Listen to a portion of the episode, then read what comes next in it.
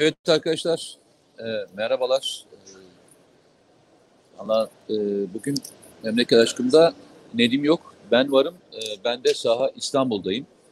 Öncelikle bugün 10 Kasım. E, Atatürk'ümüzü sevgiyle, saygıyla ve milletle e, anarak sözlerime başlamak istiyorum. Ve e, bulunduğum yer e, belki onun e, ifadesiyle en doğru yerlerden bir tanesini de andığımı düşünüyorum. Çünkü onun söylediği bir kelime vardır. Yani e, ülkeyi en fazla seven, en çok hizmet edendir der. Bugün Saha İstanbul e, ekibinin e, fuarındayım. E, Saha İstanbul fuarındayım. Ve şöyle algılamayın, Saha İstanbul bir e, silah fuarı değil. Saha İstanbul e, bir teknoloji kümelenmesi ve Türkiye'nin çok önemli e, kurum kuruluşlarının, fabrikalarının, üreticilerinin bir araya geldiği ve Türkiye'nin önümüzdeki dönemini şekillendirmek için bir güç birliği yaptığı bir yer. Nereden tanıyorsunuz bu ekibi? Hatırlarsanız e, bu pandemi döneminde solunum e, cihazlarında sıkıntı olmuştu. Dünyada ülkeler solunum cihazlarının bir yerden bir yere satılmasını engellemişti. Hatta uçaklardan e, kaçırma operasyonları gerçekleştirildi istihbarat ekipleri tarafından. O dönemde Saha İstanbul ekibi bir araya gelip e, bu grup çok kısa bir sürede bu solunum cihazlarını yapıp Türkiye'deki hastanelere hatta dünyadaki birçok yere e, göndermişti. Öyle bir yerdeyim gururla e, atanın izinden giden, e, bu ülkeye e, severek hizmet eden, geleceğine e, yatırım yapan e, önemli bir yerdeyiz. Yine atamızın bize söylediği en önemli şeylerden bir tanesi benim hani e, bize emanet etmiş olduğu cumhuriyeti gençliğe belki en iyi hizmet edilen bir yerdeyiz. Gençlere umut veren, gençlere teknoloji yolculuğunu veren, cumhuriyeti yukarı doğru taşıyacak milli ve bağımsız bir ekonomi yaratmak için bir araya gelinen bir fuardayım ve o fuarın içindeyim. Çok mutlu eden e, kişilerle e, beraberim.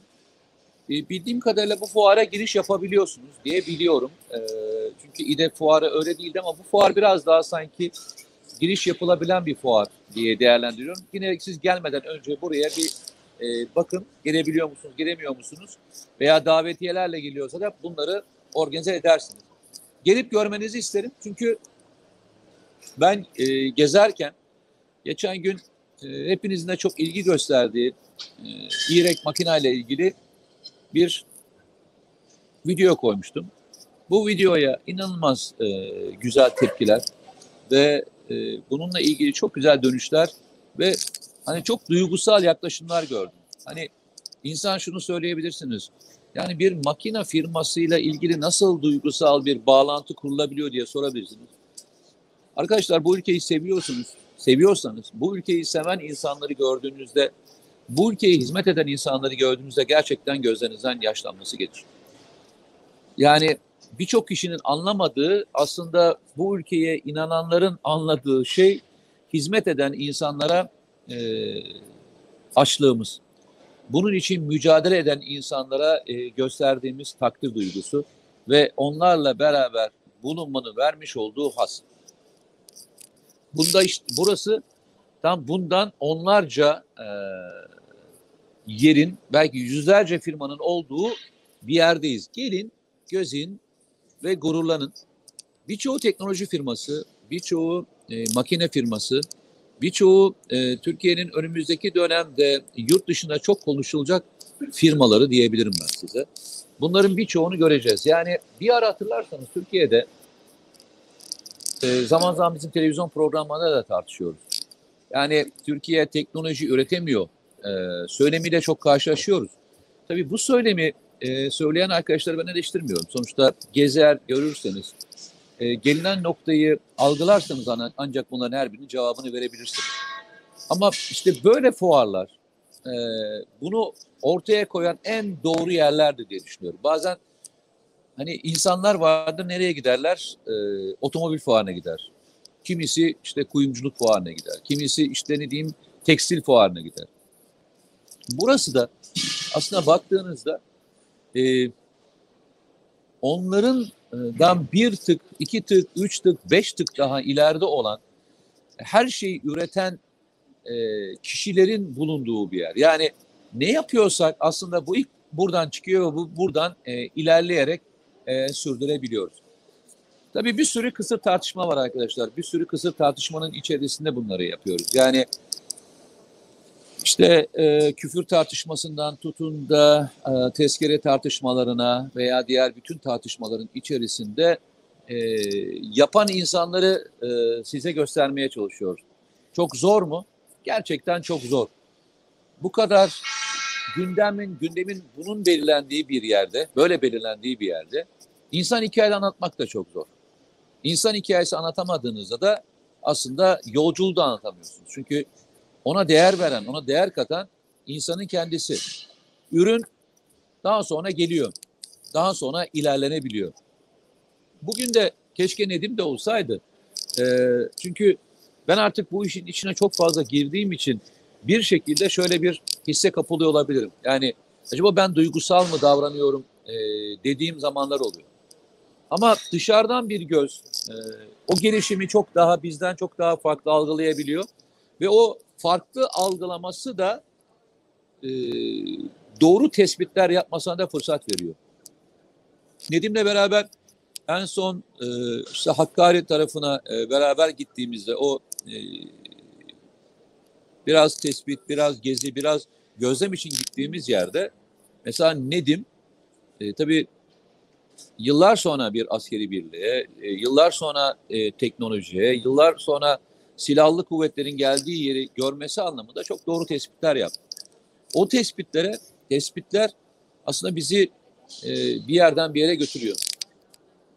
Bunları, bunlar bazı insanlar için değerli olmayabilir. Hatta bugün arkadaşlardan bir tanesi şöyle bir şey söyledi. Dedi ki, ya Mete Bey dedi, e, bazen dedi çok üzülüyorum. E, dedim neye üzülüyorsunuz? İşte yapılanların e, anlaşılamamasını, e, bu bu kadar ilerlemenin e, kayda e, geçmemesine, e, yapan insanların kıymet görmemesine e, üzülüyorum dedim. Dedim ki bakın arkadaşlar dünyanın her tarafında e, bu yolculuklar önce böyle başlar. Bu yolculuklarda gideceğiniz noktanın en önemli yerlerinden bir tanesi bunu kırmakla ilgilidir. Yani asıl kırmanız gereken e, yer teknolojik değil, teknoloji değildir ekonomi değildir, finans değildir. Asıl kırmanız gereken o öğretilmiş çaresizliği kırmakla başlayabilir. O öğretilmiş çaresizlik kolay kolay kırılmaz. Bunun bir tanesi alışkanlıklardan kaynaklanır. İkincisi etki ajanlarından kaynaklanır. Üçüncüsü e, kültürümüzden, geleneklerimizde bazı yanlış e, temalardan kaynaklanır. Oturmuş olan bir şeyi önce kazımanız, o kazımanın üstüne tekrar çok daha güzel bir boya yapmanız gerekir. O yaptığınız boya sizin e, bir öncesini ne kadar kazıdığınızla ilgilidir. O alışılmış, öğretilmiş çaresizlik maalesef Türkiye'deki herkesin önüne gelen önemli e, faktörlerden bir tanesi. Şimdi ben size şöyle bir şey söylesem arkadaşlar. Tam böyle bir yerdeyim. Ee, biz S-400 aldık. İşte S-400 yolculuğumuzu biliyorsunuz. Yani çok uzun bir e, süreç değil. Hani alım süreci, Türkiye'ye gelişi, teslim edilişi falan. Baktığınızda e, birkaç seneden bahsediyoruz. Peki bu birkaç sene içerisinde savunma sanayinin üretmiş olduğu, özellikle üretmiş olduğu hava savunma sistemlerinin katmanlarının nereye geldiğini farkında mısınız? Örnek geçen gün e, siper e, dediğimiz o e, belki S-400'den önce veya Patriot'tan önceki son bilim olan füzenin de e, atış testleri e, Sinop'ta yapıldı.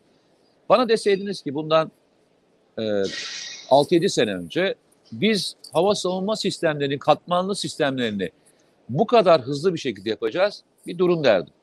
Çünkü neden durun derdim? Bu yalnızca füze yapmakla olmuyor.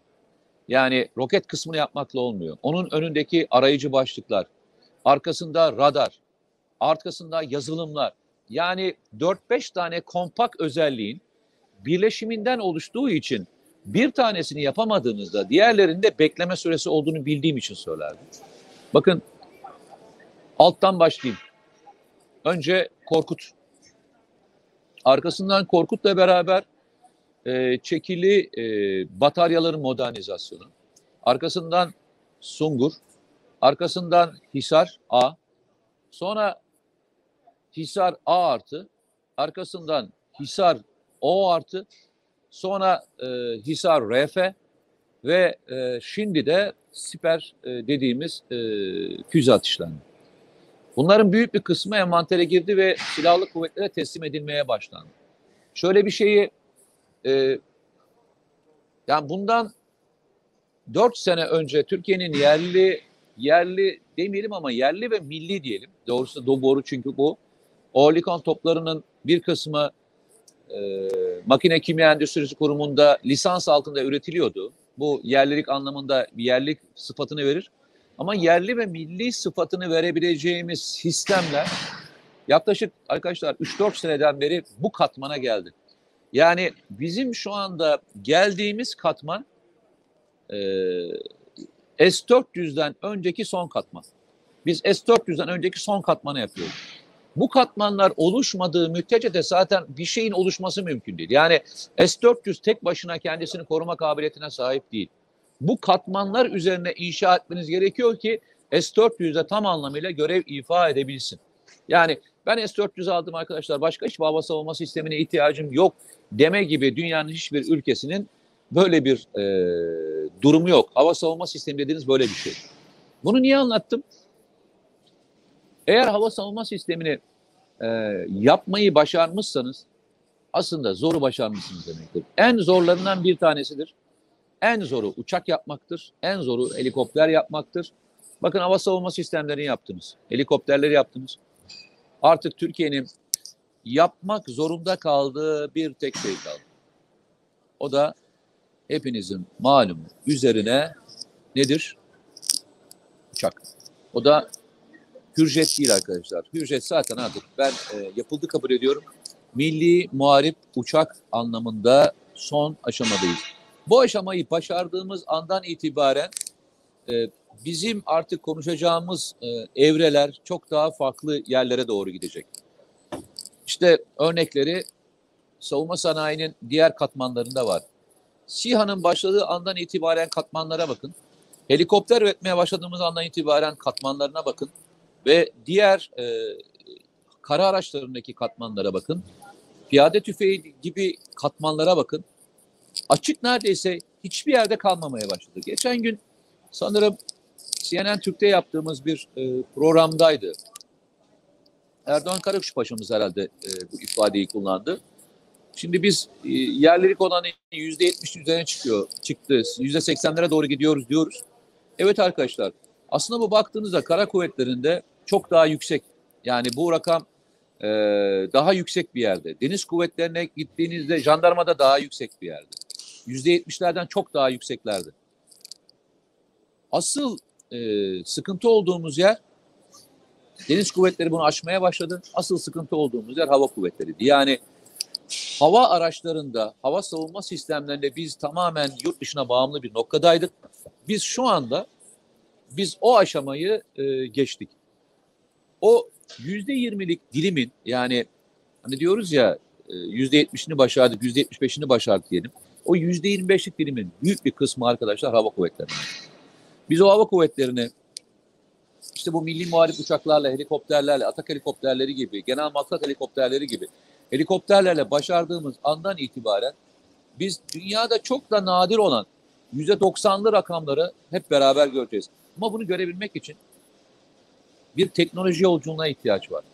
Hep derim, e, eğer ağacınız sağlam değilse meyvelerini de çok yani meyveleri de çok fazla beklemeyin. Bereketini göremezsiniz.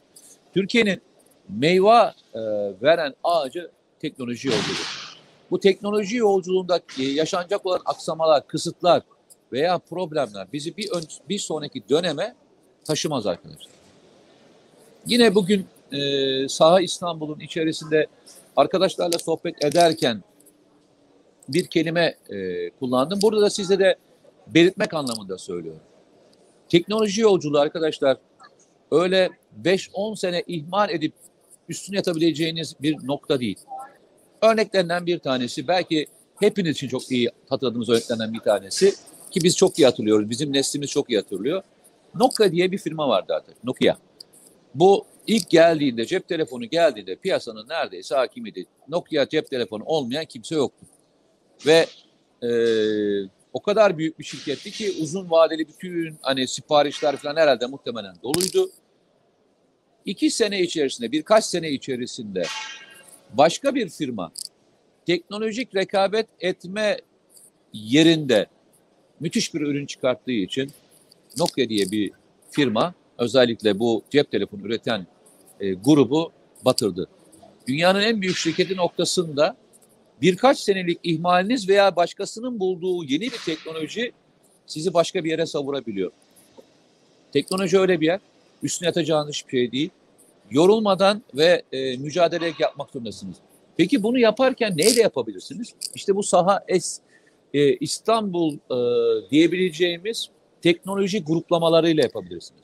Bu gruplamalar olmadan Türkiye'nin e, çözüm üretmesi çok zor. Çünkü Türkiye şöyle bir yerde ilerliyor. E, rekabetten öte ambargo kısıtlamalarıyla ilerliyor. Rekabet ederken bir şekilde mücadele etmenin yöntemini bulursunuz. Ama ambargolarla ilgili bulduğunuzda bütün çözümlerin tamamını kendinize bulmak zorundasınız. Kendiniz e, bu çözümleri üretmek zorundasınız. Birinizin sizi elinizden tutmasına veya teknoloji transferi yapmasına veya o ekipmanları almanıza imkanınız yoktur. O yüzden küçük bir malzemeyi de üretseniz, örnek veriyorum küçük bir malzemeyi de üretseniz, bu malzemeyi üretmek için kullandığınız, bu malzeme üretmek için kullandığınız makineyi yapamıyorsanız kalıyorsunuz. Ben o yüzden İrek makineyi e, sizlere tanıttım. Veya işte bugün gördüğünüz, yapmaya çalıştığımız, gezdiğimiz yerlerde hep anlatmaya çalıştığımız şey. Ürün yapan makine üretemiyorsanız aslında teknoloji yolculuğunda çok zayıfsınızdır. Türkiye'nin geldiği yer artık da makine üreten, çok gelişmiş makineler üreten bir yere doğru hızlıca ilerliyor. Bu hızlı ilerleme size asıl güveni burası versin. Tabii ki SİHA müthiş bir gelişme. Tabii ki e, yaptığınız helikopter müthiş bir gelişme. Ama asıl devrim teknoloji yolculuğundaki başarınız sizi o demin söylediğim geriye düşmeme konusunda devamlı dışa bağımlı olmadan çözüm üretebilme konusunda size müthiş bir alternatif oluşturacaklar ve güç verecektir. Bazı arkadaşlarımız şu soruyu soru çok soruyorsunuz bana. Diyorsunuz ki nasıl bu kadar çok güveniyorsunuz bu ülkeye? Birincisi e, bugün tam 10 Kasım'da onun sözleriyle o da e, yaptığı her şeyde bu aziz millete çok güvenmişti. Evet bizler de görev yaptığımız yıllarda daha sonraki bütün dönemlerde biz bu aziz millete çok güvendik. Bu aziz milletin e, inancımız hiç sarsılmadı. İkincisi bu ülkenin insanın girişimci ruhuna, zekasına, pratikliğine çok güveniyoruz. İşte o güvenler bugün e, hangi konu olursa olsun bizi bir yerden alıyor başka bir yere çok hızlı bir şekilde götürüyor. Bu akşam inşallah e, sizlerle başka bir programda beraber olacağım. E, bu akşam CNN Türk'te e, Ahmet Hakan'ın programında e, TUSAŞ'ın genel müdürü Kotil Beyefendi'ye e, sorular soracağım. Özellikle sizin çok merak ettiğiniz F-16'sından tutun e, Milli Muharip Uçağına, modernizasyon faaliyetlerinden helikopterlere, motorlara ve e, önümüzdeki e, dönemde çıkartılacak yeri ürünlere kadar e, aklınıza ne geliyorsa, merak ettiğiniz ne kadar soru varsa sormaya çalışacağım. Sebebi de şu, ben birçok yere gittiğimde e, soruların ne olduğunu bildiğim için aşağı yukarı bir anket yapmış gibi o soruları sizin adınıza sormaya çalışacağım. Bunlardan en önemli bir tanesi F-16 modernizasyon programı nasıl gelişecek? Ee, Türkiye Milli Muharip Uçağı ne yapıyor? İlk parça ürettikten sonra nasıl yaptılar? Hürjet'te durum nedirden başlayıp alıp götüreceğiz. Bugün biraz hüzünle başlıyoruz. sevgi, minnet, saygı ve rahmetle andığımız e, atamıza arkasından iyi işler yapmaya çalışan insanlarla anmaya çalışıyoruz. Onun sözünü takip eden, bağımsızlık yolunda, teknolojik yolculuğu yolunda, milli olma yolunda mücadele eden grupların arasındayım. Onu en güzel yerlerden bir tanesi olan bu yerde anmaya çalışıyorum. Allah e, bize e, bir kez daha İstiklal Marşı yazdırmak nasip etmesin diyerek de sözümü bitirelim. Arkadaşlar sizleri çok sevdiğimizi unutmayın. E, bugün biraz daha e, çekim yapıp biraz daha bilgi toplayıp daha sonraki programlarda size anlatmaya devam edeceğim. Allah'a emanet olun. Görüşmek üzere diyorum.